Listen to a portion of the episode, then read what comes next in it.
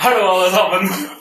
Velkommen til episode 30 av Saltklypa. I dag har vi ettårsjubileum, så vi feirer det med litt gledelig bursdagssang. Spilt av Marit på blokkfløyte. Applaus La oss gi da bare en stor applaus for den flotte sangen der. Takk, takk. takk. Som, eh, som jeg nevnte, vi er eh, ett år og 30 episoder inn. Og det feirer vi med å ha en eh, spesialepisode med liveopptak, hvor vi for første gang har en episode vi spiller inn i samme rom. Vanligvis så sitter vi ved vår datamaskin og prater over Skype. Men vi må jo introdusere oss. Jeg heter Bendik som vanlig, og ved siden av meg i sofaen så har jeg Andreas. Hallo. Videre nedover har du Gunnar. God dagen, god kveld. På andre siden av bordet så sitter Kristin God aften. Og Marit Hallo, alle sammen. og Lisha. Hallo, hallo. Det blir en eh, fort blitt knakende god sending, det føler jeg på meg allerede nå. Det kan diskuteres. Det får en se på, da. Ja. Det kommer vi til å diskutere. Høre på. Ho, ho, ho. Vi eh, går rett på sak. Det har vært en oppdatering på en eh, sak som vi pratet om for noen uker siden, angående hvor Høyesterett skulle kunne avgjøre hvorvidt strålefrykt var en gyldig grunn til å heve kjøpet på et hus man har kjøpt. Og der har nå eh, Høyesterett nå kommet tilbake med en kjennelse. Har du den der, Gunnar? Ja, denne saken eh, snakket vi om tidligere, og for å ta en kjapp oppsummering, så var det noen som skulle selge et hus. Før de solgte huset, så snakka de med Hafslund for å få en eh, opplysning om hvor mye stråling det var for en transformator som sto i kjelleren. Og Hafslund sa at eh, de eh, feltene for den transformatoren var langt under de anbefalte verdiene. Så fikk de solgt huset i 2007 for 4,95 millioner. Ehm, så gikk det litt tid, og så oppdaga de som kjøpte huset at det var en transformator i kjelleren, og fikk målt denne og fant ut at det var visstnok høyere stråleverdier enn det de hadde fått oppgitt, og ville da heve kjøpet. Som de da endte opp med å gjøre. Eh, Så gikk det litt tid, og det var masse kluss fram og tilbake. Og eh, til slutt så fikk de solgt huset til noen andre, da, men de tapte en del penger for dette. Og da saksøkte de de opprinnelige kjøperne for å få dekka tapte utgifter. Eller tapte inntekter. Eh, og eh, først så ble det gikk det til tingretten, og det ble anka der de ble dømt til å betale mer enn 1,5 millioner kroner i erstatning. De anka saken og gikk til lagmannsretten, og derfor kasta de anken. Og så, som jeg sa sist, gikk altså saken til Høyesterett. Og det som har skjedd nå, var at Høyesterett var enige med selger at eh, deres erstatningskrav var gyldig. Så kjøperen tapte saken og måtte altså punge ut med 1,5 million for å kompensere for de tapte inntektene til selgeren. Så straffen for denne strålefrykten ble altså 1,5 millioner i ekstra utgifter. Det er straffen. Det er sånn tax on stupidity, er det ikke det de kaller det? Ja. Det vet jeg ikke om noen andre her som lever over en eh, høyspent boks. Men uh, jeg for min del kunne godt gjort det. Jaha, Hva har du? men har du vel lyst til? Er det Sånn, Det er du bråker bråke en del, tror jeg. da. Det er kanskje en gyldigere grunn, hvis den bråker og durer. ja. Så det er i kjelleren, så hører du vel forhåpentligvis ikke som heter det. Det har bare vært noe de tok høyde for.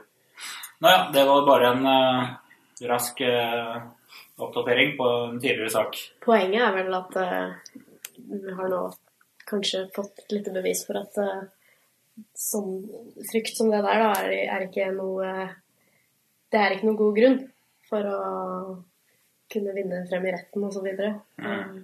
Ja. Det, legger- det setter helt klart presedens for uh, videre saker. Hvis folk uh, hevder seg forulempet av stråling, så eh, gjør det her det litt mindre sannsynlig at de kommer noe mer med det. Det er jo veldig bra, for jeg må si jeg syns det er helt hinsides at eh, vår høyesterett skal kaste bort tida på å finne ut om hvorvidt stråling er gyldig grunn for hevet kjøp. Det må være viktige saker de kan bruke tida på. Men akkurat det som må vi bare nevne synes jeg, er en liten parallellsak. For nå var det jo nettopp en ny var det en dansk undersøkelse som sjekka Det var en uendelig mye folk over 18 år og så på de som hadde vært såkalte storforbrukere av mobiltelefoni, og oppdaga at det var overhodet ingen sammenheng med kreft i hjernen Og Da kan en igjen stille seg spørsmålet, for det Statens strålevern sier at nei, mobilstråling er ikke farlig. Dette er nå bekreftet i 18 stor studie. Men allikevel, pga. føre-var-prinsippet, så beholder vi en del eh, sånne grenseverdier, og det anbefaler folk å bruke eh, handsfree og sånne ting. Og det har vi hatt en diskusjon på Facebook nå nylig. og tenk altså, Hvilke signaler sender det hvis du har studie etter studie etter studie som viser at dette er ikke farlig? Det finnes heller ikke noe teoretisk plausibel årsak til at det skulle kunne være farlig. Allikevel så opererer vi med en sånn føre-var-holdning til akkurat den ene tingen, mobilstråling. Det er, en, det er jo en veldig sammensatt spørsmål da, om det skal være bra av Statens strålevern å komme med disse prinsippene. Fordi det, det, blir, det, vil jo nødvendigvis bli tolket forskjellig alt ettersom hvem som leser disse rådene deres. da. Sånn som eh, en som kanskje har lest seg litt opp på vitenskapen rundt temaet og er innforstått med at eh, disse studiene har ganske grundig fastslått eh, at ikke-ioniserende stråling er, eh, som fysikken tilsier, ganske ufarlig for oss. I hvert fall denne siste Helt ufarlig? Ja, helt ufarlig. Det vil jo være ganske lett for de som har gjennomgått vitenskapen, og syns det kanskje er greit av strålevern å likevel bare ha noen sånn føre-var-prinsipper på sidene sine, sånn, sånn av prinsipp, liksom. Men uh, jeg, jeg, mener kanskje at det vil være noen som kanskje lever fremdeles med frykt for mobilstråling, som vil tolke det på en annen måte, da. Men det er akkurat det, så lenge vi vet egentlig veldig veldig godt at det er ikke farlig, samtidig som vi vet at det er veldig mange som sliter med såkalt elverfølsomhet, eller det jeg vil kalle for nocebo-effekt, altså en eh, fysiske helseplager som er grunnet rett og slett frykten for at det skal være farlig, så kan en jo si at det å beholde et føre-var-prinsipp faktisk skader flere enn det det beskytter. Ja, en sammensatt spørsmål, egentlig. Personlig så er jeg litt sånn delt, egentlig. Sånn Jeg tenker som sagt på det at det kan bli tolka litt feil. Men jeg har sett det gang på gang òg når jeg diskuterer med, det, med folk som har strålefrykt. Det er jo nettopp det at ja, men til og med Statens strålevern sier jo at du bør bruke handsfree. Hvorfor gjør de det? Det ville de aldri sagt hvis ikke det egentlig var farlig. Så det er jo et sånn veldig blanda budskap til folk som jeg syns er uheldig. Og hvorfor akkurat mobilstråling? På en måte så man jo oppdage en en helt ny vitenskap, altså man oppdage en helt ny vitenskapelig prinsipper for å finne en mekanisme det skulle være farlig på. Så da kan en jo si det om eh, nesten alt vi omgir oss med. Mm. At det kan jo selvfølgelig være farlig, det er bare vi ikke oppdager det ennå. Vi har heller ikke den rette vitenskapen til å i det hele tatt tenke hva det kan være farlig, men vi vet jo ikke hva vi oppdager om fem eller ti år. For meg blir det litt absurd. Hvor langt skal du egentlig trekke det argumentet? Men er det ikke litt i, med langtidsvirkninger? For vi har, vi har ikke hatt mobiltelefon lenge nok til at vi har alle resultatene på bordet, sånn som det vitenskapen fungerer. Altså Vi har veldig mye på korttidsvirkninger, men vi har jo ikke det er ingen som har blitt eh, gamle ennå, som har vokst opp med mobiltelefonen eh, i øret. Nei, men hva er mobilstråling? Mobilstråling er jo elektromagnetisk stråling som faktisk er mindre energi enn vanlig synlig lys. Så Sånn sett så er det liksom veldig vanskelig å forstå at vi skal ha en spesiell frykt for mobilstråling, men ikke bli advart mot å være ute i sollyset eller sitte under ei lyspære. Helt enig. Jeg bare tenker at de som forsker på det her, og de som sitter i Statens strålevern, tenker kanskje at her har vi ikke alt på bordet ennå, fordi mm mobiltelefonien er så ung da, i forhold til uh... Nå har vi jo studier tross alt som viser den siste studien var tunge brukere i 18 år. Mm. Jeg kan tenke, altså På en måte når du aldri er grenser, for når du har data etter 20 år, så vil jeg si ja, men det kan jo være det skjer etter 30 år. Okay? Så venter du til 30 år, så ja, men det kan jo være det dukker opp etter 40 år. Så, altså Hvor lenge skal du holde det gående? For det jo, Og det er ganske viktig, det har jo noe med dose og respons å gjøre. At selv om ikke den store effekten slår ut nå, så ville du ha sett et eller annet etter 18 år med ganske stor sannsynlighet. Mm. Eh, for det at jo mindre dose du har, jo mindre tilfeller av kreft skal det være, eller jo mindre risiko er det. Men, men selv om den risikoen blir veldig stor etter f.eks. 20 eller 25 år, så vil den jo være der allerede etter 10 og 15 år, mest sannsynlig. Så det, det er poenget når du ser på de studiene, sånn som den uh, Interphone-studien som ble omtalt av uh, Verdens helseorganisasjon nå i vår, så er det jo det som mangler der òg, at når du ser på dataen, så er det ingen doserespons. Det er ingen jo lenger de har brukt, eller jo eh, lenger de var eksponert, jo mer kreft får de. Tvert imot så er det en peak på en, en viss bruk, og så går den ned igjen når du har brukt den enda litt lenger, og så stiger den igjen når du passerer ti år. Så det liksom går helt opp og ned, og det er, det er overhodet ikke noen sammenheng som tyder på at det er helt andre faktorer som spiller inn, hovedsakelig hukommelsesbias. Eller hukommelses... eh, Ja, de husker feil over hvor mye de egentlig har brukt telefonen. Så min tanke er at dette egentlig kanskje skader mer enn det de har gått. Å ha den føre-var-holdningen og de tvetydige budskapene fra Statens strålevern. Nå, nå har vi jo hatt mobiltelefoner i ca. 15 år. Det har vært allemannseie ca. så lenge. Og som i hvert fall folkeslag, om ikke en, en verdensdel, så er vi jo alle veldig glade i mobiltelefonene våre. Uh, Vi, i hvert fall fleste her, går vel med den til øret nesten hele tiden. Hvert fall gjør jeg det. Og jeg vil jo tro at hvis den på en så stor skala, som liksom en hel nasjon, så skal det jo være fantastisk små effekter for at den ikke skulle virkelig eks- eksplodert ut og vært synlig på alle verdens statistikker. Altså, det er en annen ting som jeg heller ikke skjønte, det er at de ser på hjernesvulster. Men hjernen er tross alt veldig godt beskyttet av en hodeskalle. Og, Og det eh, væske og flere hjernehinder. ja, og kreft utvikler seg jo fortest i celler som deler seg fort, og hjernecellene deler seg forferdelig sent. Mens hudcellene i øret for eksempel deler seg veldig, veldig mye fortere. Så hvis vi hadde sett en økning i hjernekreft, så kan ikke jeg fatte at ikke vi først skulle ha sett en eksplosiv økning i hudkreft i øret, eller eventuelt i lår eller hofte eller bryst, der som vi holder oppbevarer mobiltelefonen selv, men ikke på, så han sender vel svakere da. Men iallfall i øret, der du holder den helt inntil, der du har hudceller som deler seg mye raskere og er mye mer utsatt for kreft. Det er mye ikke sett, og det føler jeg virker fullstendig ulogisk. Da veit du jo hvor Gunnar holder i mobiltelefonen når han snakker. Det er på lår og rumpe og bryst. Akkurat det der er noe med at hjernekreft høres jo mye mer skremmende ut enn ørekreft. Mm. Derfor så er det jo hjernekreft gjerne hyper når de skal skremme oss. Ørekreft er liksom litt Eh, Ja, men Vi har jo to ører. Ja, ikke sant. Kan du bare vokse et nytt et på ryggen til en mus?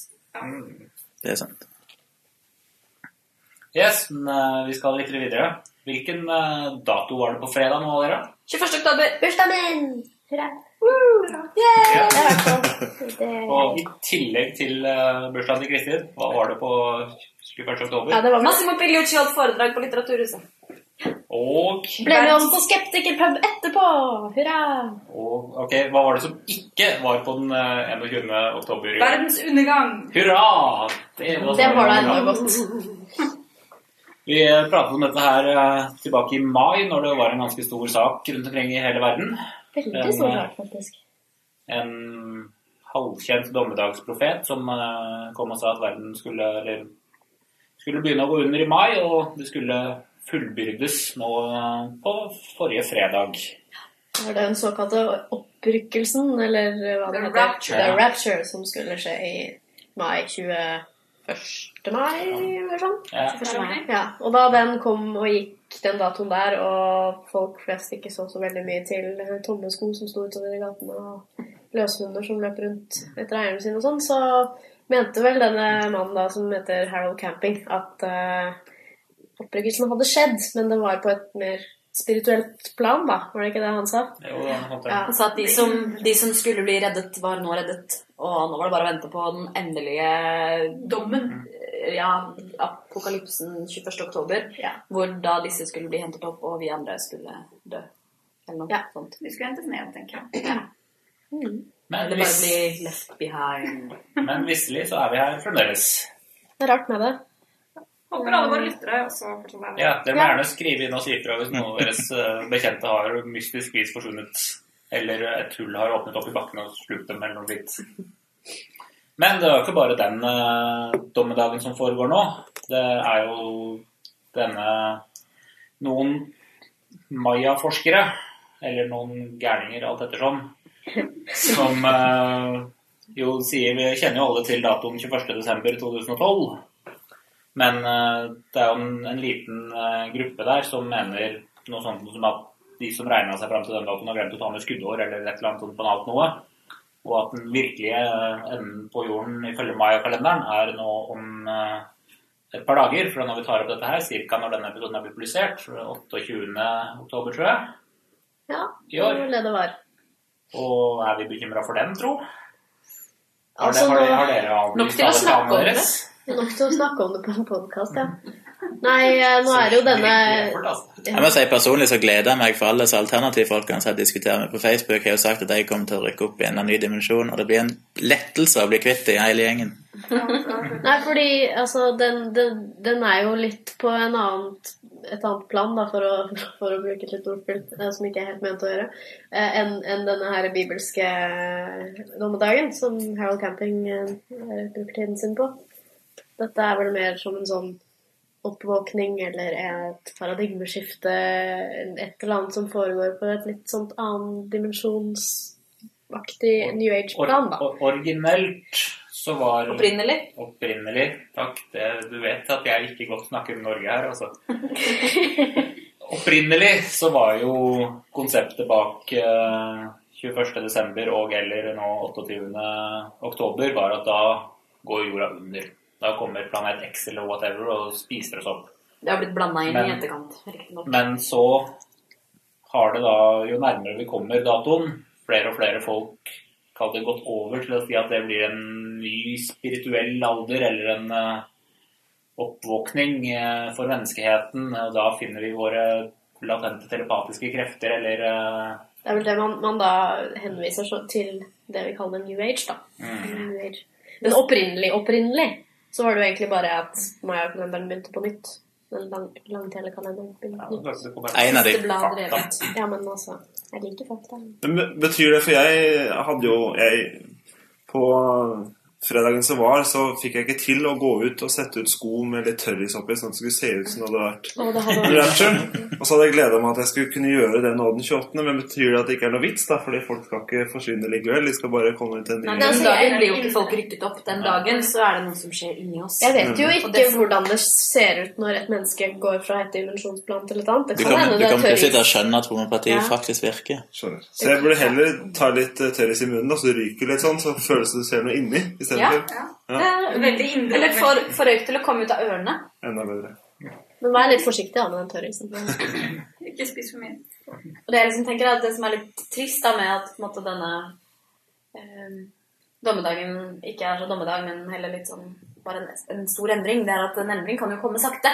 Sånn at kanskje det er en start nå på, på fredag. Og når vi våkner på lørdag, så hadde det vært veldig gøyalt å gå rundt og si ha-ha, du er her fortsatt. Men det kan vi ikke gjøre. Vi må bare Vi kan vente kanskje ta 50 år liksom, før den her begynner å rulle. Du kan si ha-ha, du er fortsatt den samme. Nei, men de kan jo føle seg endret.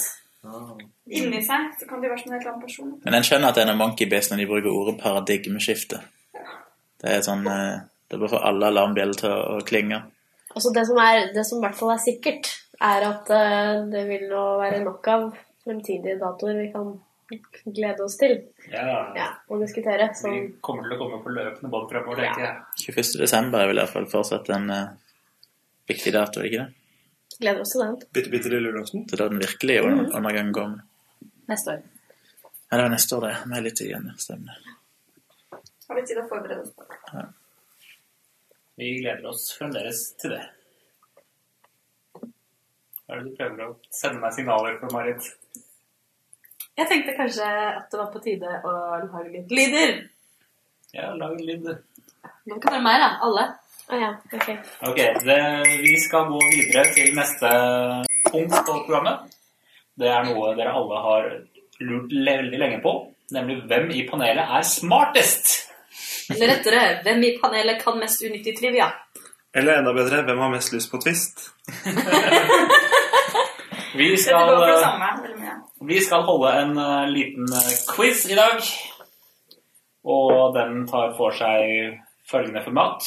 Jeg har bedt alle om å ta med seg noen spørsmål som de skal stille til resten av panelet. Og jeg har utrustet panelet med hver sin lyd de kan lage når de skal jeg kaller det buzze inn for å svare på et spørsmål. La oss eh, høre på de lydene nå real quick. Andreas, hvordan høres du ut? Og Gunnar. Kristin. Den varer lenge, tenker jeg. Oh, yeah. Marit. Og Lisha. og jeg. Nei. Jeg, Du jeg, kan virkelig jeg ikke kan for spille øvrig ikke spille gitar. Jeg klarer ikke å spille gitar feil engang. You're not even wrong, Henrik. Så som sagt, vi skal stille, stille hverandre spørsmål, og for hvert riktig svar man får, så får man en twist av meg. Nam. Og vinneren eh, på slutten er den personen som har mest twist. Det anbefales ikke å spise opp poengene sine. Er det noen her som har lyst til å begynne med sine spørsmål? Gunnar setter meg veldig klar, da. Han sitter med laptopen åpen og Google er ikke lov, Gunnar. Du bare ler. Hva er det slags svar? Er Kan røpe at Gunnar er inne på naturfag.no for å finne quiz. Hvis noen der hjemme har lyst til å prøve seg på quizen, så kan dere da kaste dere inn på naturfag.no og prøve å finne svaret før noen av oss Har du stilt spørsmålet? Enda bedre, før vi har stilt spørsmålet. Alright, men siden det ikke er noen eh, frivillige som har lyst til å stille spørsmål eh, en ting, Bendik. Hvis de hjemme har lyst til å prøve å være med på dette, så må de sitte klar med pauseknappen. For vi kommer til å bare hive svarene frem. Vi kommer til å være umenneskelig raske Ja, svare på så det Ja, så fort lyden har vært- Superdatamaskinraske. Eller ikke.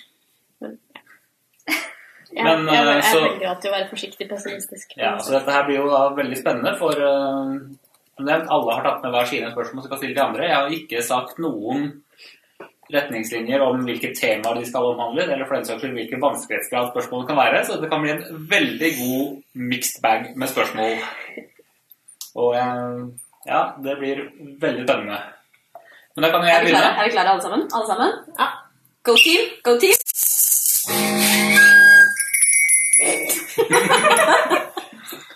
Og jeg håper at lytterne eh, klarer å følge med på alle lydene som kommer til å komme. Men bare for å begynne. eh, Dette her er ikke et spørsmål, dette er bare introduksjonen eh, min. Er det noen av dere som vet hva som skjedde 4. oktober 1957? Det ble annonsert at uh, Det er ikke en dommedags... Uh, vi ville reise til uh, verdensrommet.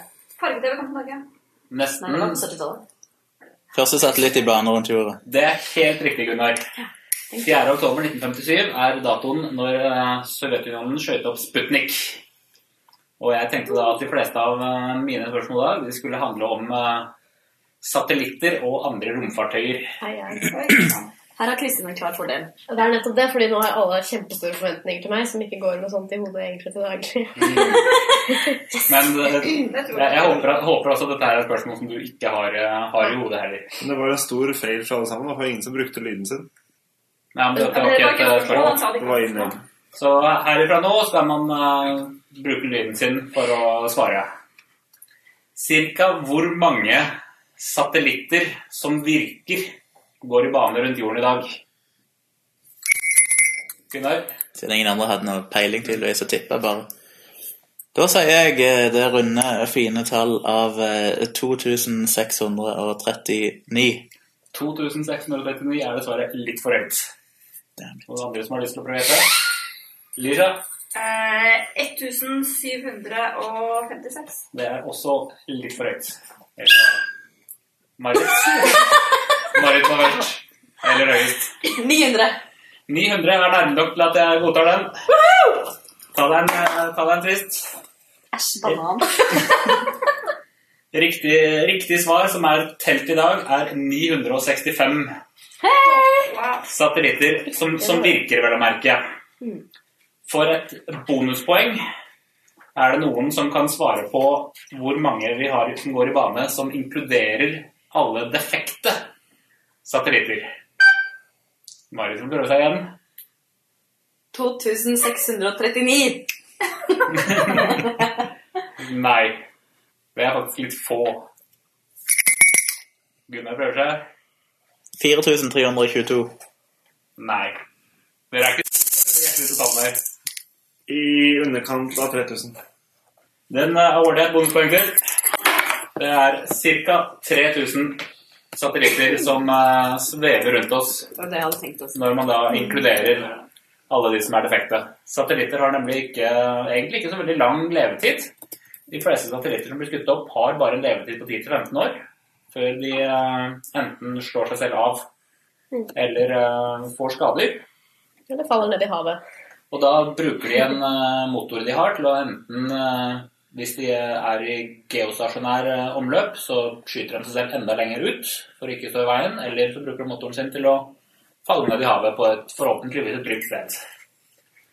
Og hvis man da også skal telle med alle de som har falt ned i havet en eller annen gang i løpet av tiden, dette er ikke et spørsmål til dere, for nå har jeg ikke så mye visst igjen å dele ut, så har det totalt vært ca. 10 000 satellitter rundt eh, jorden totalt sett på de 54 årene siden uh, Sovjetunionen skjøt opp uh, Sputnik 1 i 1957. Mm, slutt kanskje. Nå vet vi det. Ja, det må vi nå. Mm. Vi uh, går videre til noe som kanskje er litt lettere, siden det ikke innebærer tall.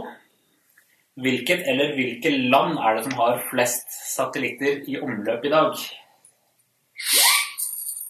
USA, sikkert. USA var et veldig trygt uh, gjett, men det er det selvfølgelig. Kristin var først. Japan. Japan er ikke riktig det heller. Gunnar? Det må jo si Russland, da. Russland er helt riktig. Jeg trodde det var det som var det trygge svaret. arvet de fleste etter Sovjetunionens tid, eh, vel å merke. Men eh, Russland er helt riktig svar. De har ca. 1500 av de eh, 3000 eh, satellittene. USA har bare 1100.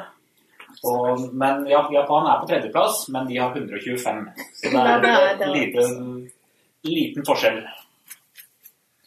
Men uh, videre opp Vi nevnte Russland og USA og Japan.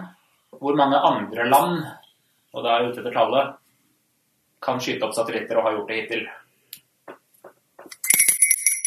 Gunnar? Nei, nå har jeg jo ikke peiling. Men la meg si sju. Sju er faktisk riktig. Og jeg gir et eh, bonuspoeng til den som klarer å liste flest av dem. Må prøve. Mm. Norge er skutt opp. Nei. En dårlig start. Ikke med skutt Nei, ikke i bane, nei, selvfølgelig. Kristin? Ok, det var alle unntatt Russland og USA. Vi har nevnt Russland og USA Ja, okay, så det var altså Og vi har nevnt Japan, ja. Uh, Kina, Kina ja. India India har skutt opp. Uh, Ja, hva med Å, nå begynner det å bli vanskelig. Tyskland? Tyskland har Nei. ikke skutt opp uh, noe. Nei. Kina, Må jeg stoppe, da? Siden jeg Det ikke er noen flere som uh, har lyst til å prøve seg, for jeg beholder bonuspoenget mitt uh, og tar uh, siste spørsmål i stedet. Canada? Canada har ikke skutt opp noe, de heller. Jeg kan ta listen. I, I kronologisk rekkefølge, til og med, så er det den gam- gamle Sovjetunionen, dvs. Si Russland og Ukraina. Ukraina er jo ikke et land man vanligvis assosierer med romfart, men de har da arvet teknologien fra Sovjetunionen. Vi har USA og Japan og Iran, som er nevnt. Iran ble ikke nevnt, men Iran er med på listen nå. De skjøt opp bare, sin første bare for noen år siden. Stemmer det. Frankrike driver med dette her. Kina, Storbritannia og Israel. Ja. Så da vet alle det. I ca. tre minutter. Mm. Skal vi se. Og neste spørsmål. Av de tidligere nevnte 965 aktive satellittene, så brukes de primært i fire kategorier.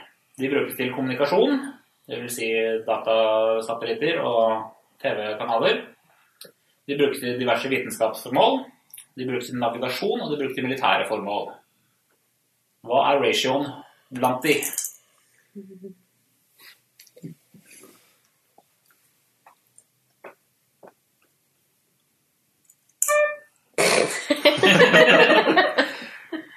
On, Marit. 9331. 3, 3, 1. Kan du gjøre om det til prosenter for meg? Det er din jobb. Jeg bare tok noen tall som 9, faktisk 3 Det er 16. Ja. Så går den? 9 av Altså, det- 16-deler. 9 16-deler. Mm. Ja, jo, jeg kan eh, Jeg kan gå med på et, et poeng for den, faktisk. Du hadde skikkelig flaks. Uh, av de uh, 965 aktive satellittene, så er 555 av dem kommunikasjonssatellitter. Det er ca. 60% 20% av dem brukes til eh, diverse vitenskapsformål. 175 stykker. 8% eller 72 stykker, er GPS-satellitter og brukes til navigasjon. Og 7 av dem, eller 70 stykker, brukes til å spionere på folk med militære spionsatellitter. Det er de du vet om det. Som jeg vet om, ja. Det er de jeg har eh, telt opp selv. De som virkelig spionerer på dere, det aner vi ikke om. Det er sikkert hundrevis. Var det et forsøk på å lage sånn skummel bakgrunnsmusikk? Det var det. Det var, det. Det var litt sånn drama chipmunk-lyd der. Men da går vi bare til eh, mitt siste spørsmål. Hvordan staver man satellitt? Kristin var først. Dette kommer til å bli en katastrofe. Satellitt.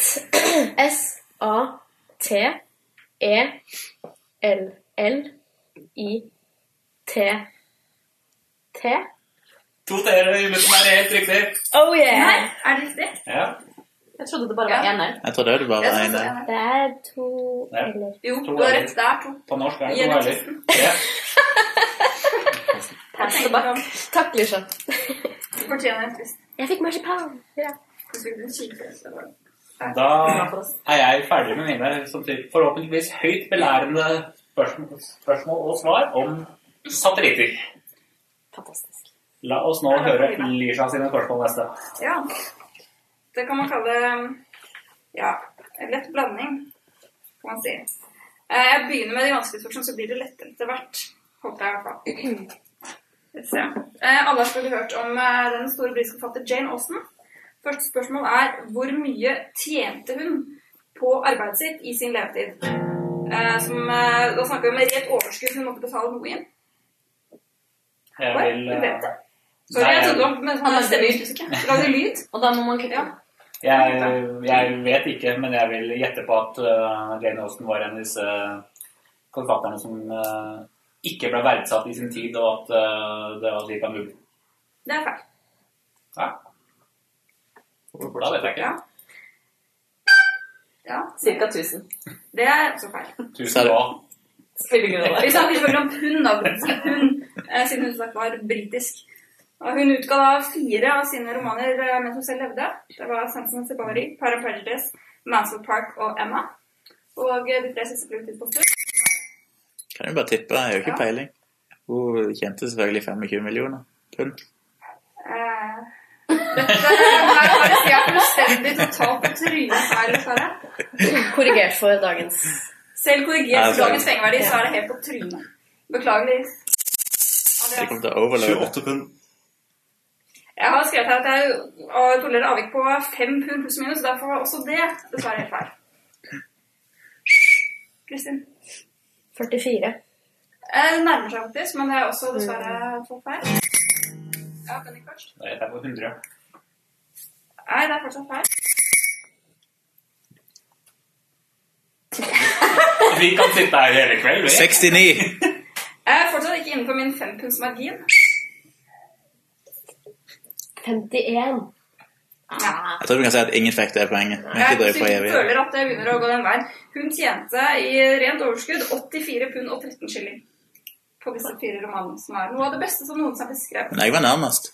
Ja, du var det, men som sagt, fem pund pluss og minus, så jeg føler at det var litt feil. Så da fikk ingen noe poeng. Ok. Eh, Så videre i historien, men litt mer eh, grotesk. Eh, Hvis vi skal være litt sjenerøse, så kan vi si at det finnes tre norske seriemordere. Hva heter disse? Hvis det er noen hjelp, så kan jeg si at to av disse er eller var etnisk norske, og den tredje er eller var genetisk halvt norsk, men etnisk noe annet nordeuropeisk. Ja, det er seriemordere. Ja, det er jeg prøver å hjelpe litt her. Hvordan, hvordan blir dette hvis en av oss nå sier rett på én, og så klarer ikke de andre? Får liksom sistemann eh, poenget da? Jeg har jo nå et ekstrapoeng å gi ut. Jeg har ikke noen poeng ennå, så Ok, veldig bra. Da vil jeg ha et halvt poeng for Jeg vil bare prøve med en klarifisering at Anders Behring Breivik ikke regnes som en seriemorder. han er massemorder og ikke seriemorder. Riktig. Her snakker vi om eh, seriemordere by the book. Ja. Thomas Quick. Han er dessverre svensk. Tenkte kanskje han var halvt. Nei, han er uh, helt svensk. Og han er dessuten ikke seriemorder, for han har nok sannsynligvis ikke begått noen av de drapene som han sitter fengslet for.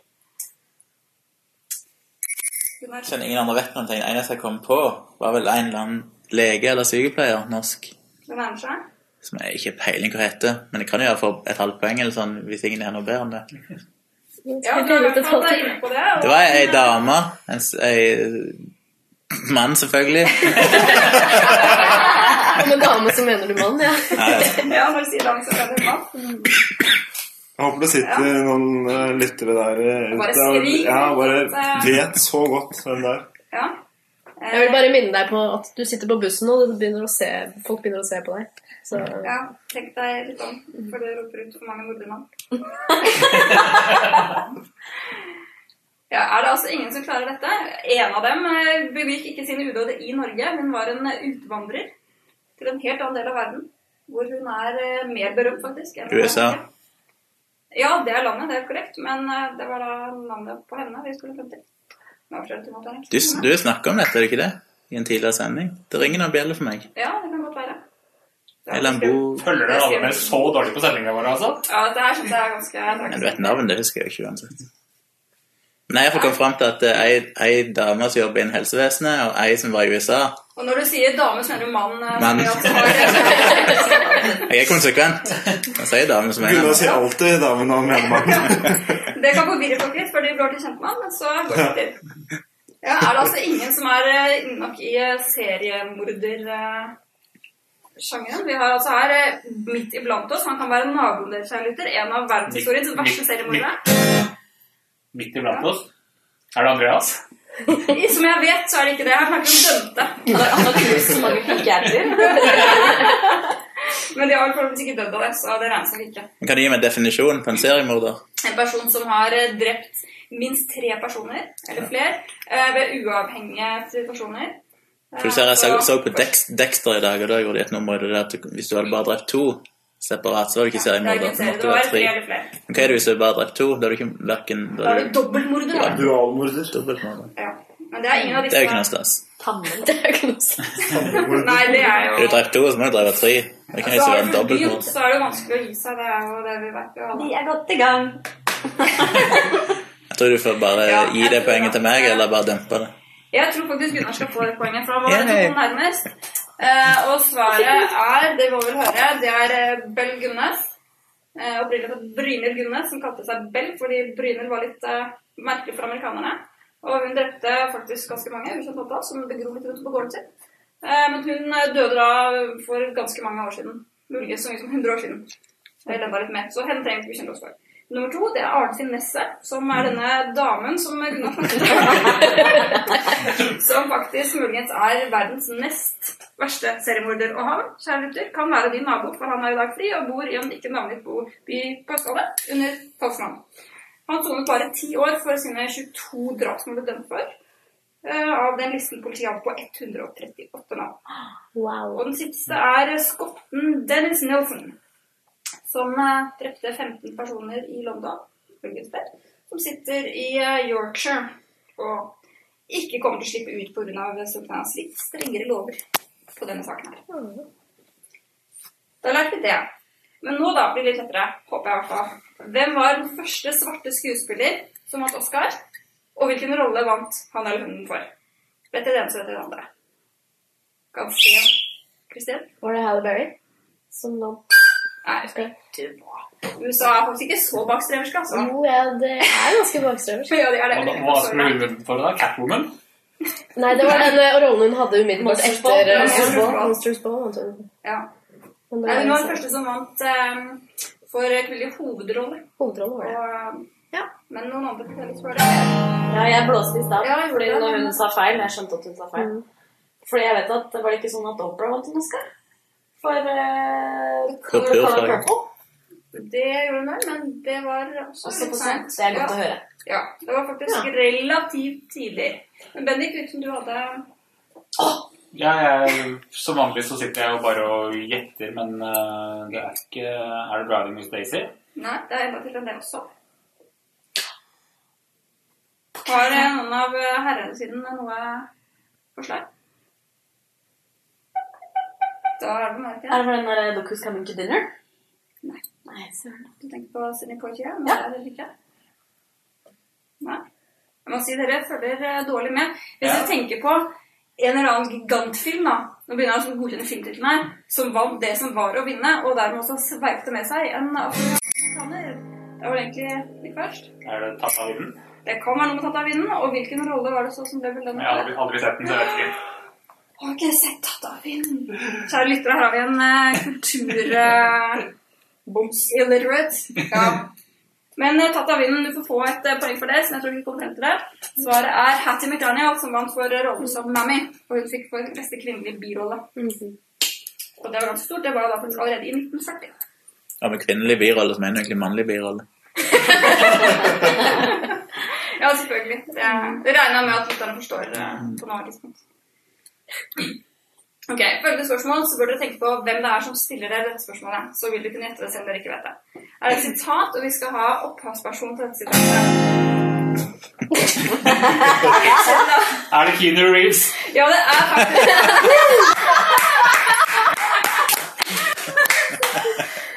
vi får høre sitatet litt? Ja, sitatet her er oversatt til norsk, siden vi er så opptatt av å være norske her, selv om eh, det da skulle bli uttalt på engelsk. Sitat er Jeg er jo Mikke Mus, ikke sant? Ingen vet hvem som er inni drakta.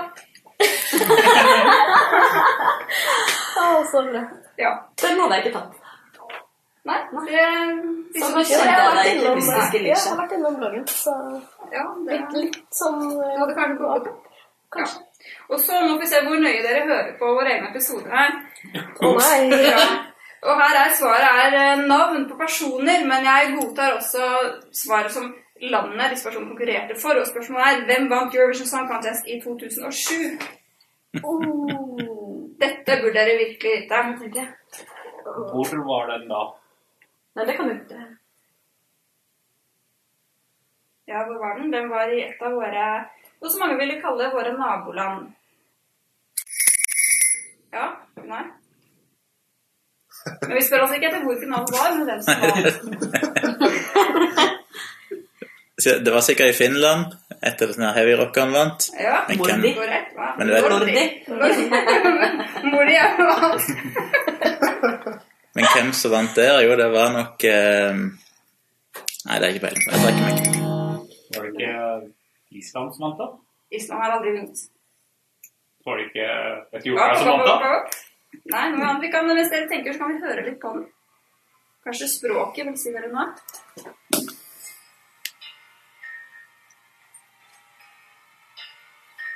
Storslagent.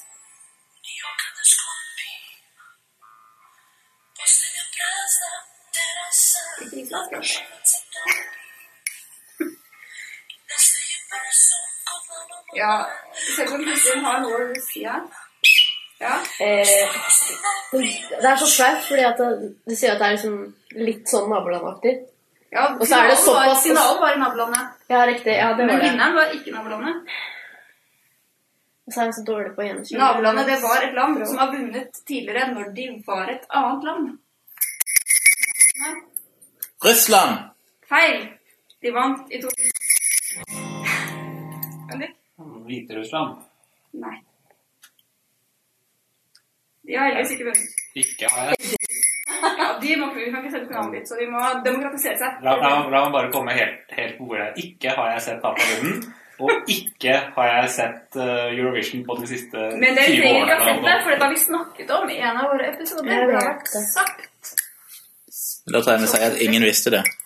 Nei, dette var ille. Det var selvfølgelig, for å være litt vrang, så var det Vladimir Grajic og Sasha Milosevic Mara. Og de vant selvfølgelig for Serbia. Som tidligere har vunnet som Jugoslavia. Ah. Da lurer jeg på hvorfor i all verden du har sagt dette før. Eller dere, hvis jeg ikke var med. Det var eh, I mai så hadde jeg Science of Eurovision. Ja, Og det var et knakende bra inn- innlegg. og der ble både tittelen på sangen og alt mulig nevnt, så nå er jeg skuffa over det, folkens. Ja. Følger ikke med på hva Nå, vi skal nå, si. nå er vi avslørt. Vi hører ikke på når vi snakker. Du vet jo at man ikke kan stole på Man kan ikke stole på hukommelsen sin. Nei. For jeg tenkte på Serbia, og så tenkte jeg nei, nei, jeg kan ikke stole på hukommelsen min. Altså, det er vitenpsykologi, elementær vitenpsykologi. Så det er bare å Neste disregard gang hele så greia. må du Bortforklar alt sammen. Jeg, jeg kan stå for mine feil. Det klarer ikke Marit. Nei. Nei, vi må ha en vitenskapelig forklaring på det. Sånn. Den neste. da, mente jeg skulle være veldig lett. Hva er det som er unikt med elefanten? Uansett art. Den heter elefant og ikke noe annet. Nei, det er jo tre dyr som heter elefant, så det er jo Alle elefanter heter elefant. Ingen andre dyr. Marit. Den har knærne fremover. Nei, alle Ja. fire. Unnskyld. knær... altså, den har eh, mellomleddet i alle fire lemmer eh, peker i samme retning. Den har fire knær. Fire knær. Takker. Nettopp. Den er det eneste dyret som har fire knær. Boja! Ja. ja. Nei, jeg ikke noen hvor mange poeng jeg har delt ut, men det er ikke så veldig mange. Mange sist, så jeg har et par spørsmål til. Tre, tror jeg. Ja, Nei, fire. Gunnar fikk et poeng. Så var det blitt fire. Ja, men da har jeg et par spørsmål til som jeg håper, trodde kanskje ikke var så vanskelig. Dere får gjette vilt her. Hvor gammel var den store kunstneren Liberace da han lærte å spille piano? Ikke gammel er selvfølgelig svaret, men hvor mange? Tre. Nesten. Benny? Fem. Nei. Nei. Fire. Nei. To. Ja, det var to år. Og for et bonusspørsmål, dette må dere klare. Hva døde han av? Sjokkerende. Ja. Du kan homofili? Det var det jeg mente. Det var litt for eh, Det var veldig Da sier jeg aids. Ja, han døde av komplikasjoner av aids. Yeah, I claim that one moralsk. Eh, det vil mange være uenig i, vil jeg si. Eh, og så mitt siste spørsmål, da. Alle har selvfølgelig hørt om den store stumfilmstjernen Buster Keaton. Ja. Eh, svaret på det er ikke Jan, dessverre. for Spørsmålet kommer nå. Han het ikke Buster, han var oppkalt etter sin far, som het Joseph, om jeg ikke feil. Men han fikk kallenavnet Buster eh, av en eh, meget stor stjerne på den tiden. Charlie Chaplin. Nei, ikke så stor. En person som ikke var skuespiller, men som var faktisk ganske mye i vår gate, som begynte med å utnytte folks godtroenhet. Kan jeg svare igjen? Ja, vi får se om noen andre Houdini.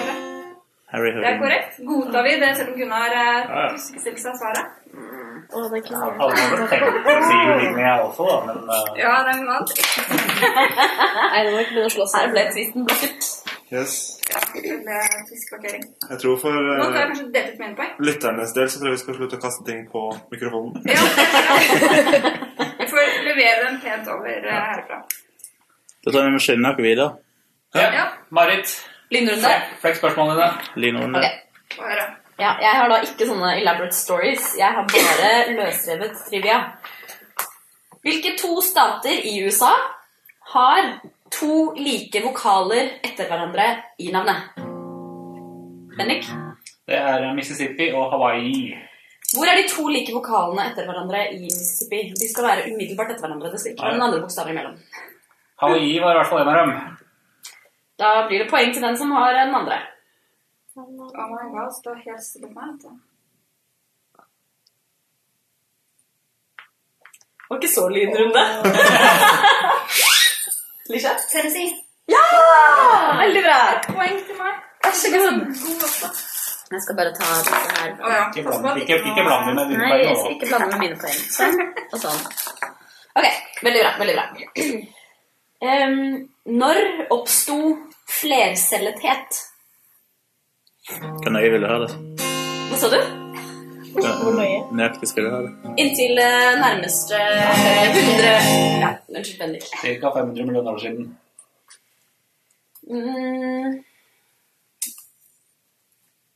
Jeg skal ha jeg må nesten godta den, altså. Fordi jeg hadde tenkt å godta innen, innenfor 100, ca. 100 millioner år. Og det var ca. 600 millioner år siden. Så vær så god. Veldig bra. veldig bra. 100 Kan millioner år til og fra. At det var så kort siden? Nei, det Tiden flyr, altså. Det er jo helt eh, Men altså, tenk på hvor lenge jorda har vært her, og hvor Ja. kort andel av den tiden Men tenk hvor mange som fortsatt oppfører seg som encelledyr. Ja, evolusjonen har en viss tid igjen å jobbe på. Ja. Og tenk, og tenk hvor kort tid i forhold uh, mennesket har vært her. Det er jo ingenting. Jepp.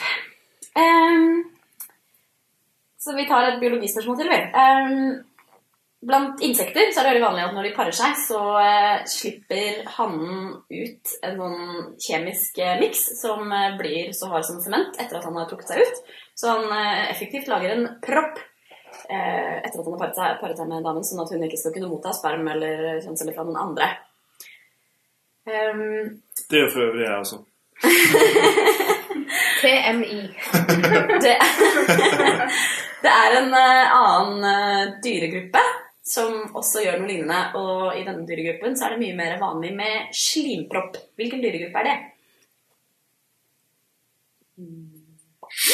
Misha? Du ser på meg, så er det kanskje litt tidlig. Nei, da så jeg på deg bare fordi du satt med instrumentet ditt klart. Det var bra. at jeg Kristi?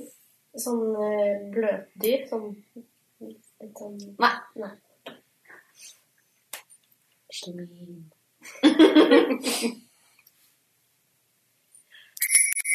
Ja. Han tipper bare. Arachnide. Nei. Det hadde jo vært eh, festlig eh, da hvis, Er vi, er vi i havet nå, eller? Ja, dere er litt på havet, altså. Um, jeg kan si det er noen som har uh, fire ben. Mhm. Ja. Skilpadder? Nei. Det hadde Det er reptiler eh, er gått. også sånn. Da er det bare Bendik igjen som ikke har gjetta. Kom igjen og Da jeg- A Hard Day's Night. Da vil jeg jo gjette på elefanter. Eh, nei. Det er kanskje ikke en dyregruppe som sånn, egentlig. Nei. Dyregruppe, skal jeg si det? Jeg har en runde til. Ja, Gunnar. Gnagere. Ja! Veldig bra. Det er helt riktig. Hvorfor var du til havs da? For dere har snakket om arachnider og Ja. bløtdyr og. Og du mente at vi var i havet? Ja. Ah, nettopp, nettopp. Ja, det var en misforståelse. Det var ikke meningen å lure deg til å ikke svare rett. Eh, jeg har for øvrig hørt om at det finnes et ekorn hvor eh, hunden på et eller annet vis har utviklet en atferd for å fjerne denne proppen igjen etter at eh, hannen har gjort sitt. Så hun kan hoppe videre og, og få seg en ny dose. Og da kan hun eh, ha flere fedre til sine barn. Det er veldig lurt. Da kommer de med Han aner ingenting. Han aner ingenting, nei. For han er jo overbevist om at han har gjort det riktig. Ja. Um, hva er spesielt med kaffen Kopi Luwak? Fortalte jeg deg dette, Bennik? Du har pratet med det før. Unnskyld, da må jeg stryke det spørsmålet. Vil du gi svaret? Det blir ikke noe poeng for. Det er den som uh, har uh, Hvor kaffebønnene har blitt uh, spist og så ført igjennom uh, Ja. avføringssystemet til et eller annet dyr. Yep. Før den blir sanket inn og så malt og servert som kaffe. Som man jo gjør. Ja, det er, jeg kan helt forstå at noen fant på det. Ja. Og det anses som en uh, delikatesse. Ja, altså, det er jo et, et, et, et hovedtrekket til en delikatesse er jo at det er et eller annet Skikkelig utrolig frastøtende med det. Altså, Ja. Da har jeg neste spørsmål. Hva er egiett? E E-g-i-e-t-t. Egiett. Hvor er, hvor er vi hen nå? Er det innen biologien, eller er det Nei, nå er vi i eh, dagligdags verden. Én eget? Ikke Eller bare jeg egget? Opptrer, opptrer gjerne i par. Altså, det er, det er en veldig vanlig sånn der sak som hvor noen kommer med et sånn der fremmedord, og så er det de der små plastikkhylsene utenpå skolissene dine. Men, men de heter ikke en eggiett. Jo, det gjør de. De heter en aglett. Det er på engelsk. På norsk så heter vi eggiett. Ah, Så det sant. Men det er veldig bra, Ludvig. Veldig bra. Det var helt riktig dedusert. Jeg satt og ventet på det, at noen skulle foreslå det bare av den grunnen. For det gjør ofte jeg. Og hvis jeg hører et fremmedord, så foreslår jeg ofte at det er ditt. Det er sånn familiefordeler, merker jeg. Ja, det er, den ja, du, slutter snart. du skal se søndagsmiddagene våre. du. Det føles uh, genetikk. Så når man feirer 25 års bryllupsdag, så kaller man det et sølvbryllup. Når man feirer 50 år, så kaller man det et gullbryllup. Hva er 75 år? Kristin? atombryllup. Ja! Veldig bra. Veldig bra. Det er en av de tingene som jeg går rundt og vet. Ikke så verst. Nå er jeg veldig spent på å se hvem av dere som vet den her, og her blir det også bonusspørsmål hvis det skulle bli nødvendig. Hvorfor har jeg bare to igjen? Ja. Fordi du har gitt bort fem. Men det er ikke riktig, det. Jeg har jo bare stilt uh, fire spørsmål. Strøk et spørsmål som ikke det gjaldt. Du stilte jo ikke et todelt et også? Unnskyld, jeg har stilt Dette fem med spørsmål. kaffebønner. Ja. Jeg har stilt fem spørsmål. Hvor mange barn har Brad Pitt og Angelina Jolie? Lisha! Dessverre så har jeg vet at jeg har seks barn. For helvete. Det er helt korrekt. Det er helt korrekt. Oppfølgingsspørsmål. Hva heter barna? Du mister nå stor cred her, altså. Det er minuspoeng. Du har kanskje fått twist, men det er noe som blir tatt fra deg nå. Ja, det er helt klart redd. Eh, De heter, tror faktisk jeg klarer det til og med i eh, riktig rekkefølge her også. Kronologisk Eh, eller alfabetisk? Pax, Sahara, Shiloh, eh, Vivienne og Knox. Det er riktig! Yay! Jeg kommer meg dypt og inderlig over dette her. Bare send eh, hatmail. Jeg tåler det. Ja, det var mitt bidrag. Takk for det. Da går vi videre for å høre hva Kristin har i uh, fòret for oss. Ja, det var det, da.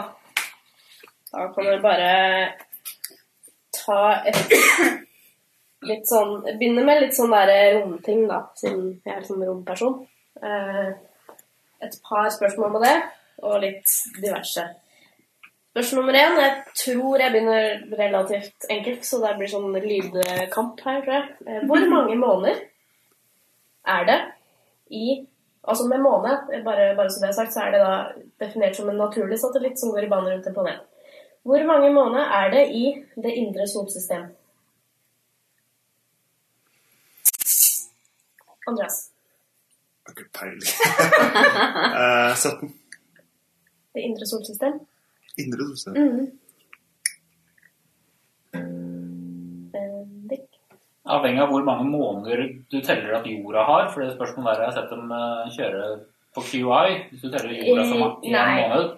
Jeg teller sånn som at en måned er en, en ting som går i en ganske veldefinert bane rundt en planet. Som man leser i bøker og da vil jeg gjette på to. Det er ikke riktig. Lisha. Fire. Nei, det er heller ikke riktig. Det hørtes ut som du syntes de var veldig nærme, så da sa jeg Nå så det ut som du ikke var veldig nærme. Jeg får si fem, da. Det er ikke riktig det heller. Men ja. Da er det bare Marit igjen, da, som ikke har ja. svart. Syns det Marit skal svare. Marit. Jeg husker ikke hva som har blitt sagt. Syv. Har det blitt sagt? Nei. Nei, og det er ikke riktig det heller. Da prøver jeg på tre, da, siden jeg var midt imellom der. Ja, du får få for den, da. Åh, det er jo viktig, det. Oi, har, fransk nougat kommet tilbake? Det var morsomt. Jorden regnes stort sett som har én, Ja. og jeg trodde Mars bare hadde én, men da Den har to bitte små potetformede måner som heter Fonos. Phobos Phobos og Deimos. Fobos og husker på Deimos. Ja, og da er de litt for nærme sola, de to andre planetene til å ha noe. Det er tre. Ok, da. Da kan vi ta et litt sånn Det, det er et annet tallspørsmål. Det var det enkle spørsmålet. Ja, og dette, er- og dette er sånn spørsmål som det egentlig går an å regne seg frem til, men eh, det er greit å liksom bare gjette, og det er egentlig sånn gjettespørsmål. Hvor mange ganger må du reise rundt jorden ved ekvator, bare for å ha det definert, for at avstanden du tilbakelegger skal overgå middelavstanden fra jorden til månen? Eh, Det kan jeg regne meg fram Og jeg vil ha det nøyaktige antallet som man må overgå. Jeg tåler ikke pluss minus én her. Skal vi se nå. Andreas? 51. Nei. Jeg kan kanskje si at det er litt Får jeg, eh, lov å bruke kalkulator? For jeg vet, tallene, skjønner jeg. Klarer ikke å regne ut i hodet. Hvis det ikke er noen andre som vil gjette. Det, det tar, lang, tar meg lang tid å dra fram kalkulatoren, så dere alle får gjette imens. Ja. Men du skulle til å si var det veldig 51 er litt høyt. Litt høyt. 31 31. er også litt høyt. 26. Det går i riktig retning i gjettingene. Eh, Marit. 21, da. Eh, nei, også litt høyt. 17. Her veit vi virkelig hva jeg snakker om. Altså. Vi, vet- vi skal, kanskje vi skal vente på Jeg ser på kalkulatoren til Bennik, og han kom til 4500 ganger. Så Ja, det tasset jeg bare ut for å avlede deg. Ja. tippe en gang til i mellomtida. Mhm. Jeg fikk ikke med meg om du ville vi skulle opp eller ned, men jeg sier 14. for det var he hele banen vår rundt sola. Nei, ikke noe bane rundt sola. Jeg snakker om hvor langt man må reise rundt jord, eller hvor mange ganger man må reise rundt jorda, rundt ekvator, Mm, For, for, at, eh, det, for at den avstanden du har tilbakelagt, overgår avstanden fra jorda til månen. Middelavstand, altså. middelavstand må det være. Det blir selvfølgelig veldig Middelavstand? Ja, fordi oh, ja, den middelavstand. går Ok, i en jo. eh, ellipse. Så. Jeg kan si som så at eh, man får omtrent det samme tallet hvis man runder litt ned på tallene, her opp, alt ettersom, og hvis man bruker de nøyaktige tallene. Nå skal jeg selvfølgelig de tallene her, da. Det er dumt. Virker som Buddy kan med hodet. Ja, så får ikke disse tallene her til å stemme i det hele tatt. Ja. Helt riktig. Det, hvis man bruker de eh, antall kilometerne, eh, så får man 9,6. Hvis man deler avstanden fra mellom månen og jorda på Altså kontinentet til mellom månen og jorda. Ja. Jeg hørte mellom sola og jorda. Ja, Må følge det. med. Så det var derfor jeg endte opp på 4500 ganger. Man får, man får 9,6, og det gjør man også hvis man runder litt ned på noen nærmeste 100. Så da kan man sammen en Ja, jeg gir for den. Mange er gitt for den. Fordi bare for å være riktig der, altså jorda diamet- nei, Omkrets rundt ekvator er ca. 40 000 km. Riktig. Og avstand til månen er 350 000 ca. 380, tror jeg, ja. Ja, da får du 9, et eller annet. Ja. Ja. Da kan dere som hører på, se om jeg regna helt fullstendig feil nå. eller om jeg. Yes. Eh, Så er spørsmålet litt sånn Jeg Vi har ikke gått helt vekk fra verdensrommet ennå, men eh, litt, i hvert fall. Hva er størst, ettersom det vi vet i dag, da? Antall nevroner i den menneskelige hjerne? Eller antallet stjerner i den menneskelige hjerne? Gunnar. Antall nevroner i den menneskelige hjerne. Det er størst? Mm. Det er feil. Og da får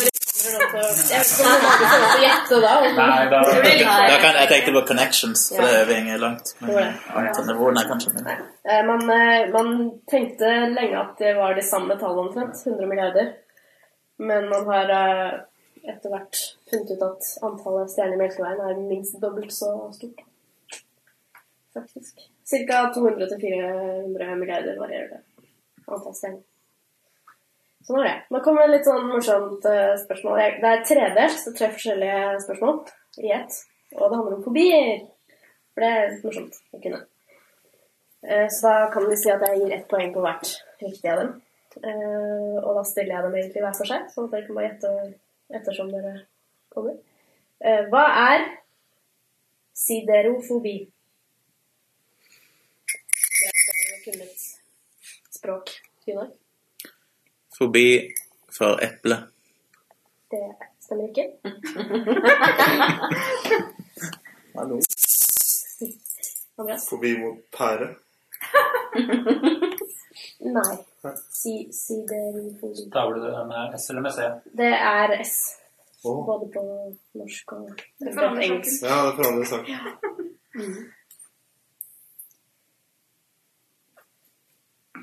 Er det noe med frukt å gjøre det? gjøre det? Jeg godtar litt uh, at dere gjetter noen ganger, altså.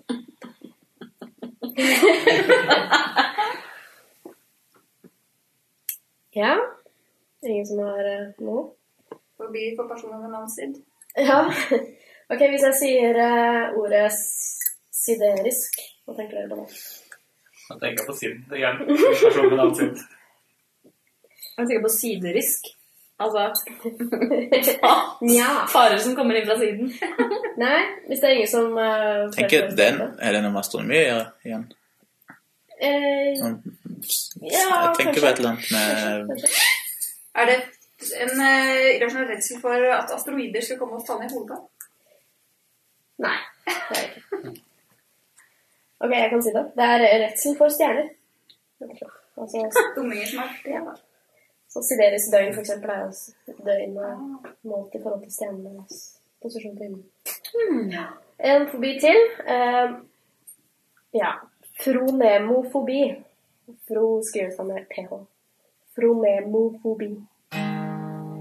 Bendik. Er man fobi mot lukter? Nei, det er det ikke. Det er veldig sånn trivia-opplegg, dette her, altså. Er det et tips? Hint? Ja, litt relatert til eh, det vi prøver så godt vi kan å drive med, kanskje. Vi som sitter rundt her. Svare på spørsmål? Ja, det inngår jo forhåpentligvis i det. Dere gjør det alle sammen nå. Så jeg kan anta at uh, ingen av dere har fronenofobi. Ja? Fobi for musikkinstrumenter. ja, nei. Fobi for å være med på quiz og svare feil. Nei. Andreas. Fobi mot sånn tenke. Helt riktig. Det var en liten salutt. Eller, å, eller tenking, da. Jeg vet ikke om det er forbi for å tenke selv, men å, å å tenke? Jøsses. Det er veldig rart. Så hvis man eh, får generell pensel-statuen til det, så får disse personene bare helt store skrekken, da. Tenker de. Eller hvis, er det sånn også at de får angst av å tenke på at de tenker på å tenke? Det kan godt hende. Eh, Det, det må nesten Veldig med syns jeg. Ja. Ja, hvis noen av leserne våre, men lytterne, lider av dette her, så skriv inn og fortell hvordan det er. Jeg vet ikke om hvordan det går an å være lytter av en podkast om tenkning. Og, og Ikke, ikke, og du må begynne å blokkere ut det. Uansett, siste fobien eh, min, eh, ikke fobien min, men som jeg har hørt om til dere, er typisk sånn som dere egentlig, hvis dere vet det, så har dere bare hørt om det før tilfeldigvis. Den fobien heter eh, Jeg tror ikke det er den du tenker på, Marit. Jeg er bare klar til å spille, jeg. Hippopotomonstrosesquidepedaliofobi. Bendik? Eh, det er eh, frykten for fredag den 13., er det ikke det? Nei. Det er, nå skal jeg vært veldig flink å si det som rett på løpende bånd, men det er ikke det. En liten kamme. Er det eh, frykt for noen blekkspruter eller noe? Nei. Fine. Frykt for å bli trampa i hæl av en flodhest. jeg, kan, jeg kan gi det, det, det tipset her at den første halvdelen av ordet eh, er gitt litt sånn i etterkant, uformelt. Eh, opprinnelig heter det bare sesquipedaliofobi.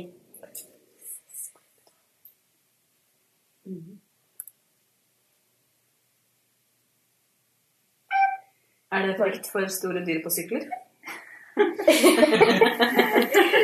Godt gjettet, men det er ikke i nærheten. Andreas? Frykten for å bli trampet i hjel. Nei. Det er litt eh, Altså, selve ordet er litt meta. På en annen måte. Det er jo det. Jeg tillater en gjetning til. Hippopoto monstrosesquide pedaliofobi.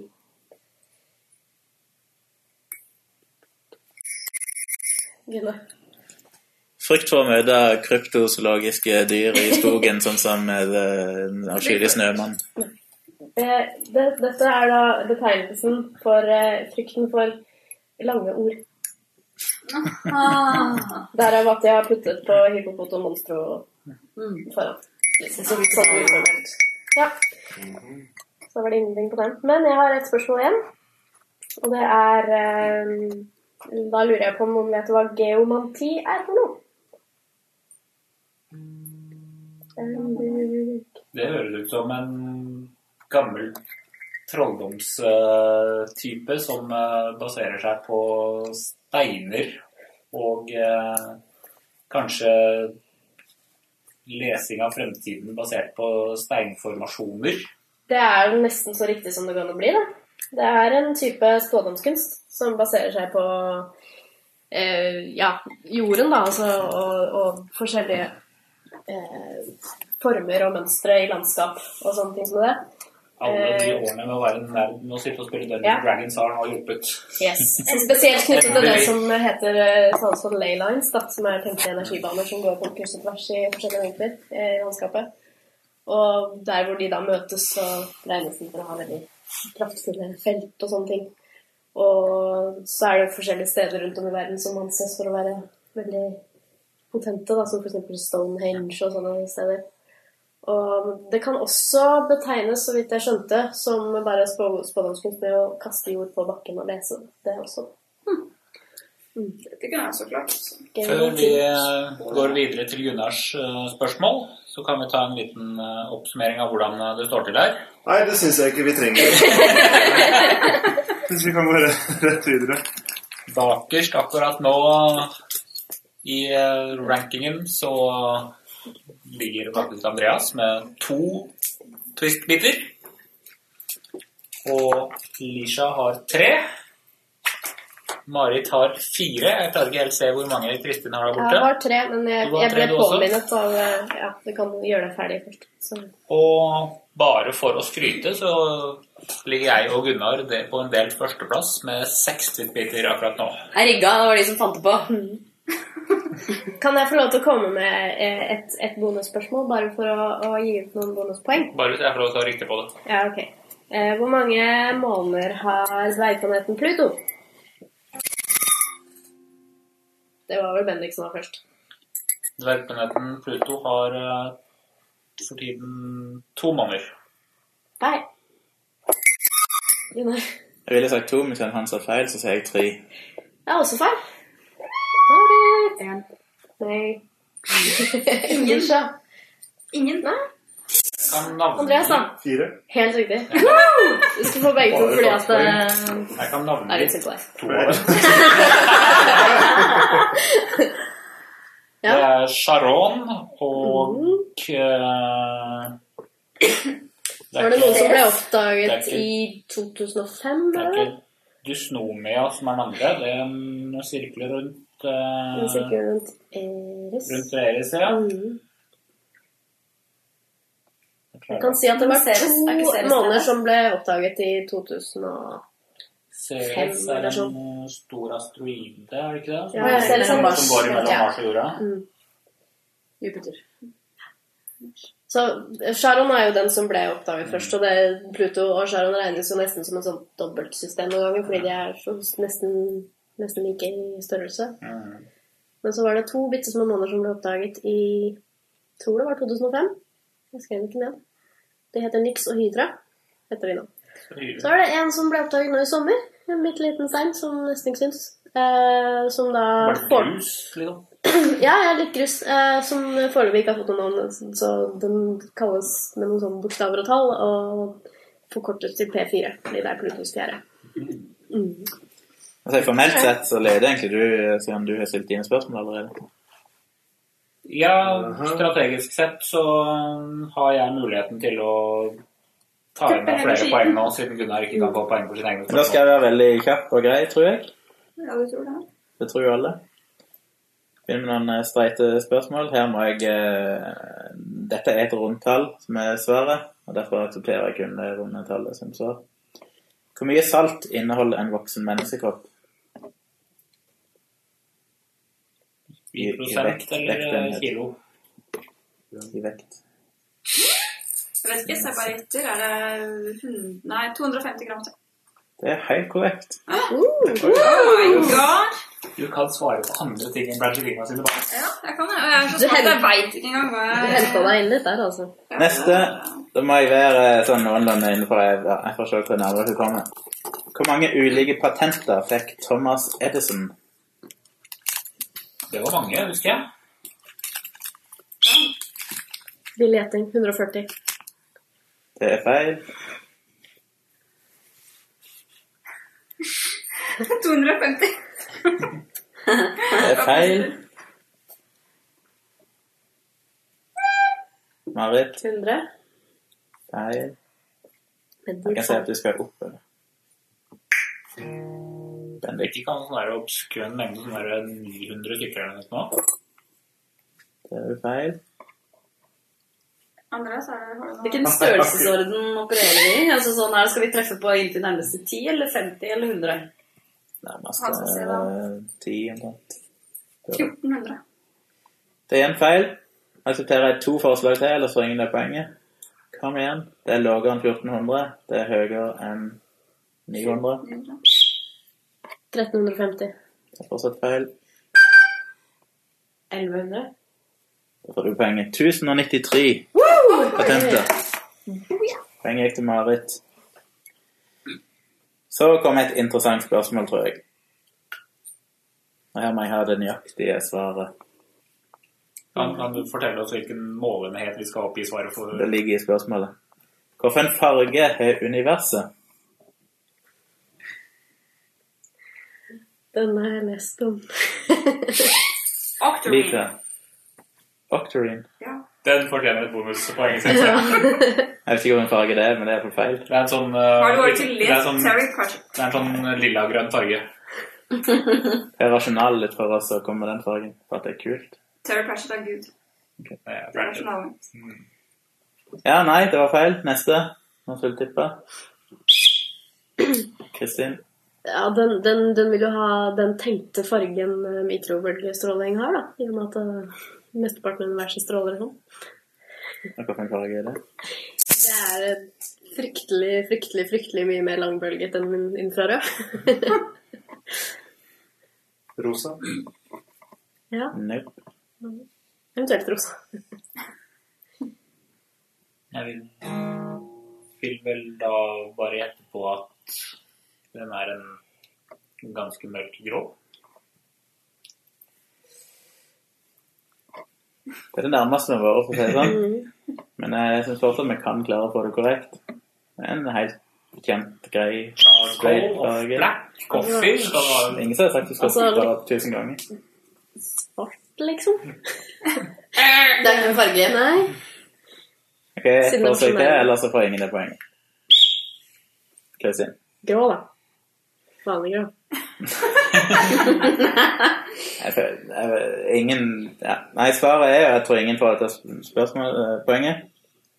Navnet, eller fargen, ble eh, ja, Tidligere så mente de at det var en slags grønn-hvit farge, men så gjorde de en ny beregning. Analyserte dette på nett. Grønnhvit, og så går ikke Octarine. Eh, Jeg sier at det var ikke det rette svaret. De trodde det var det tidligere. Når de summerte opp strålingen, altså bølgelengden på alt lyset, bl.a. 200 000 galakser, Mm.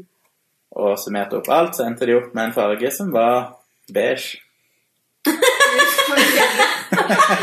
jeg har lest om Og de hadde en konkurranse om å finne et navn, og navnet på den fargen ble Cosmic Latte. Å, herregud, nei! Og den heksadesimale RGB-verdien for de som vil bruke dette som bakgrunn på websida si, er FFF8E7. Vet dere det? Fabulous. Ok, ingen fikk det poenget. Eh, neste spørsmål veldig, bør være egentlig veldig enkelt, så nå er det bare å kvesse instrumentet sitt. Hvilken kroppsdel er den eneste kroppsdelen som aldri vokser?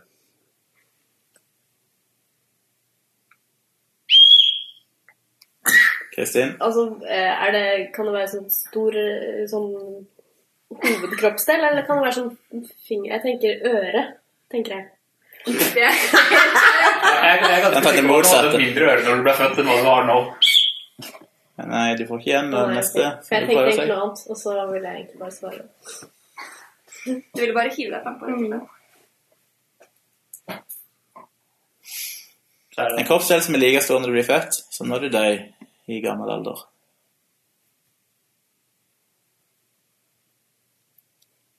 Eller kroppsdel R.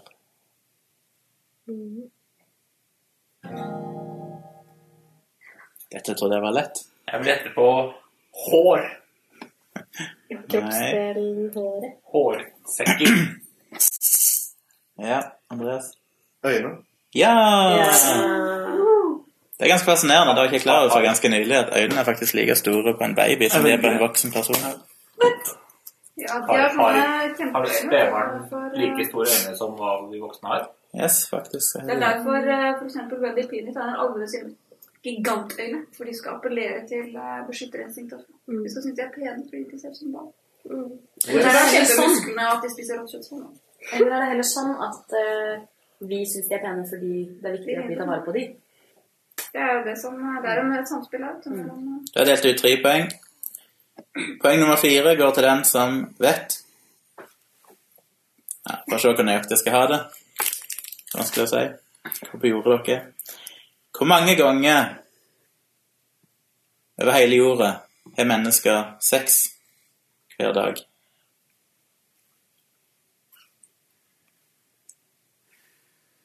Har lest det, husker det ikke. I Breina Clintons definisjon av sex? Nei, det tror jeg ikke.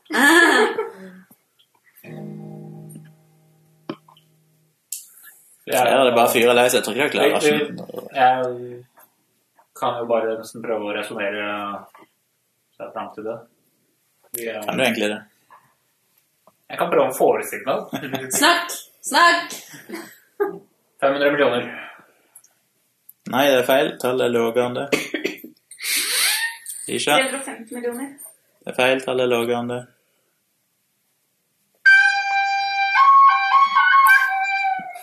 Marit, 150 millioner. tallet er lavere enn det. Kristin, 80 millioner. det er feil. Og det er høyere. Trodde ikke at du skulle være så prippende rasshals. Ett forsøk til. Lisha? Eh, 105 millioner. Nei. Men du skal få poenget. Det er 120 millioner, men du kom nærmest. 120 millioner ganger hver dag. Vi snakker folk seks på jorda. 120 millioner? Det var faen meg lite. Ikke spør meg hvordan jeg regner det. Så stor del av befolkningen som er i seksuell alder. Det Det er noen. er en relativt stor andel, vil jeg si. Så er vi på verdensbasis, da. Så er det kanskje noen kulturer som er litt prippende, og så er det Så kjipt. Da delte delt ut fire poeng, så da får jeg ta et bonusspørsmål. Hvor mange knokler har et voksent menneske? Unnskyld, knokler eller bein? Bein. 206. Ja, helt korrekt. Kan jeg få dele ut et bonuspoeng? Kan du lage alle sammen? Hvor mange bein har en nyfødt baby? 300 eller annet. Jeg husker ikke, det er mye mer i hvert fall. Jeg husker at du blåste blåklypa di, så det ble litt Nestemann vil prøve? 300 eller et eller annet. Nei, det ble jeg avslørt med at tallet som jeg har funnet, er faktisk ganske varierende, så derfor ikke noen poeng. Men jeg har sett 300 en del plasser. Men jeg har også sett andre plasser er det så mye som 350, så jeg er litt usikker. Det høres litt urealistisk ut, syns jeg. Men Ja, jeg er litt usikker på det òg. jeg ville ha godkjent 300, men nå får jeg ingen ekstra poeng. Jeg har delt ut fem poeng, så da går vi videre til Andreas. Ja. Siste runde.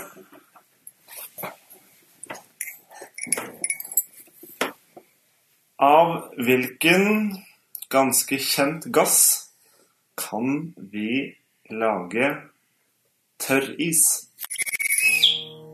Gunnar? Karbondioksid. Riktig.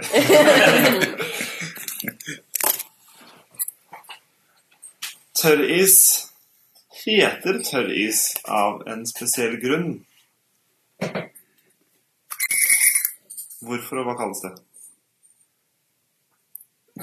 Ja, det var Gunnar. For det at det går aldri via en fase der det er i flytende form. Og det kalles for super... Sublimering. Ja. Poeng her på. Gunnar svarte ikke riktig. Noen andre?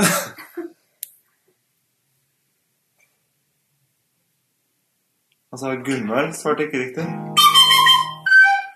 Bendik? Fordi den uh, sublimeres. Riktig.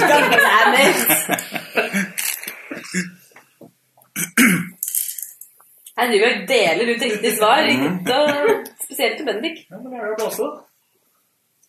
Hvordan regner det om fra Fahrenheit til Celsius?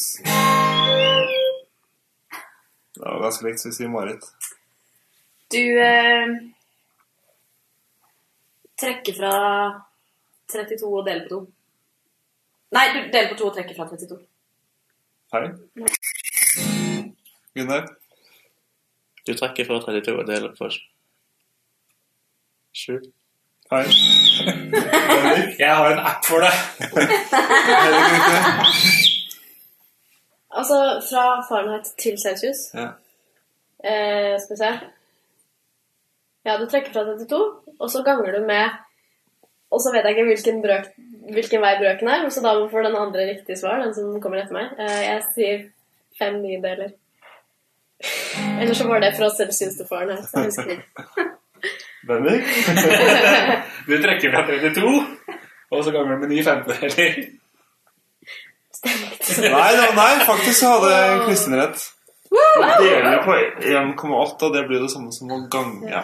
Ja. Jeg tok veldig grovt. Det er bare eh, som var litt treig. Det er hurtigregninga. Det er delt på to. Men det at jeg har en app for det, er helt sant, altså. Jeg hadde ikke peiling, jeg følte det var sjutall inni deres. Hva måler vi med en Ångstrøm? Det var altfor mange som visste det, så da går vi videre til neste spørsmål. Hva kalles studien av liv på andre planeter? Kristin? Det heter exobiologi. Er det riktig? Ah, thank you. Har jeg tatt fem, da? Hva opplyser publikum når en ångstrøm brukes til? da? Eller hva man Måler det lenge? Ja. Det er ti tiende. Ti minus tiende meter. De måler veldig små. Med, med En timilliard der, sånn. Hvor, eh, hvor mange ångstrøm er det i et uh, skjeggsekund? Det har Benniken opp for. Ja, men da er vi rundt, da. Det var alle spørsmålene vi hadde. Ja. Det er ikke alle poeng som er delt ut. Nei, de får, uh, Det får vi spise. de får spise etterpå. Gunnar har to igjen, og to andre sammen ennå. Ja, da, da er de uh, Noen som kan Ja, finne på ja. noen bonusspørsmål. Og hvis lytter ikke har fått lyst på Twist ennå, så får de høre hele denne lange podkasten en gang til. Yes, Nei, ikke sponsa av Twist? Nei da. Aldri hørt om det. Jeg har én Dime, én kokos, én lakris. Er det noen som bytter en lakris mot noe? Skal vi summere poengene? Da skal vi ende opp med å summere opp. Det blei faktisk ganske jevnt i bunn og grunn her. Det vil si at eh, rundt regnet så endte vi alle opp relativt jevnt. Eh, fra hva jeg kan se, så har vi eh, en delt fjerdeplass. Det er egentlig en delt Jo, ja. Delt fjerdeplass, ja. Det er egentlig en delt tredjeplass. Hvis man Ja, eh, hvis det er flere delte Det er bare tre poengsummer her. Tredje, fjerde Nei, fordi delt førsteplass går til første og andre. Ja, sånn og sånn. Så en delt fjerdeplass med fem twistbiter hver. Lisha, Kristin og Andreas. Og på en, da en tredjeplass så kommer Marit med seks twistbiter. Delt førsteplass så ser jeg at jeg og Gunnar, bare for å skryte vilt og hemmelig av selv, har syv det høres Det var feil vei. Så da har eh, dere kjære lyttere endelig fått eh, vite det, at vi er de smarteste. Jeg ga dere poeng. Dere går rundt med mest unyttig kunnskap. Ja. Nei, vet du hva, jeg vil si at det er jeg som går rundt med mest kunnskap her, altså. Etter det svaret om Brangelina sine barn, så vil jeg si meg helt enig i deg. Takk, siden jeg ikke liker dem engang.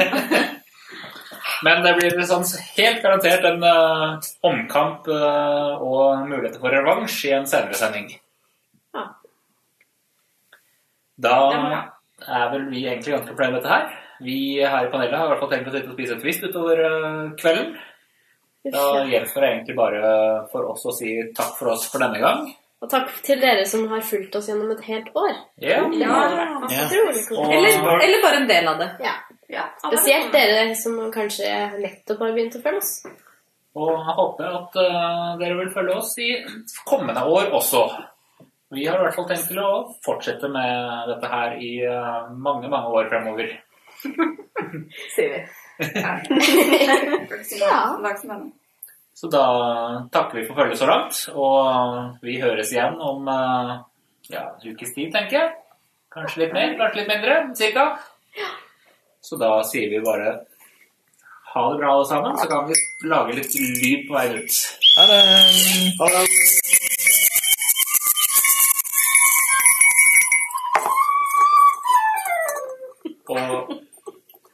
Som rent avslutningsvis, i stedet for å ta den vanlige outroen vår, så skal Marit synge for oss. Må jeg? Ja, det må du. Nå er Må det, lytteren også få høre på dette. nå, nå, nå er det på tape. Nå må du eh, Hvis ikke du eh, synger nå, så kommer lettere lytterbrevene. Ja, til informasjon så har jeg da sunget denne hver lydprøve hvor eh, jeg har vært robot eh, jeg har hatt dårlig internettforbindelse hjemme.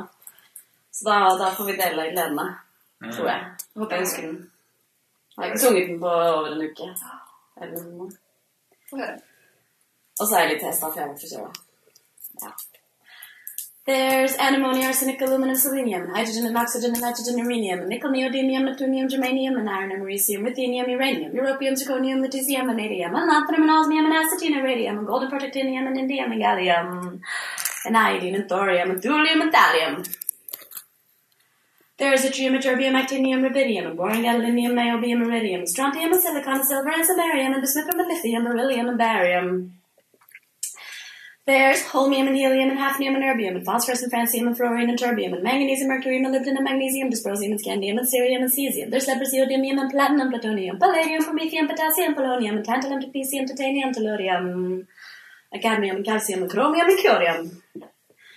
There's sulfur californium and fermium berkelium and also mendelevium and steinium nobelium and argon krypton neon radon xenon zinc and rhodium and chlorine carbon cobalt copper tungsten tin and sodium. Yay!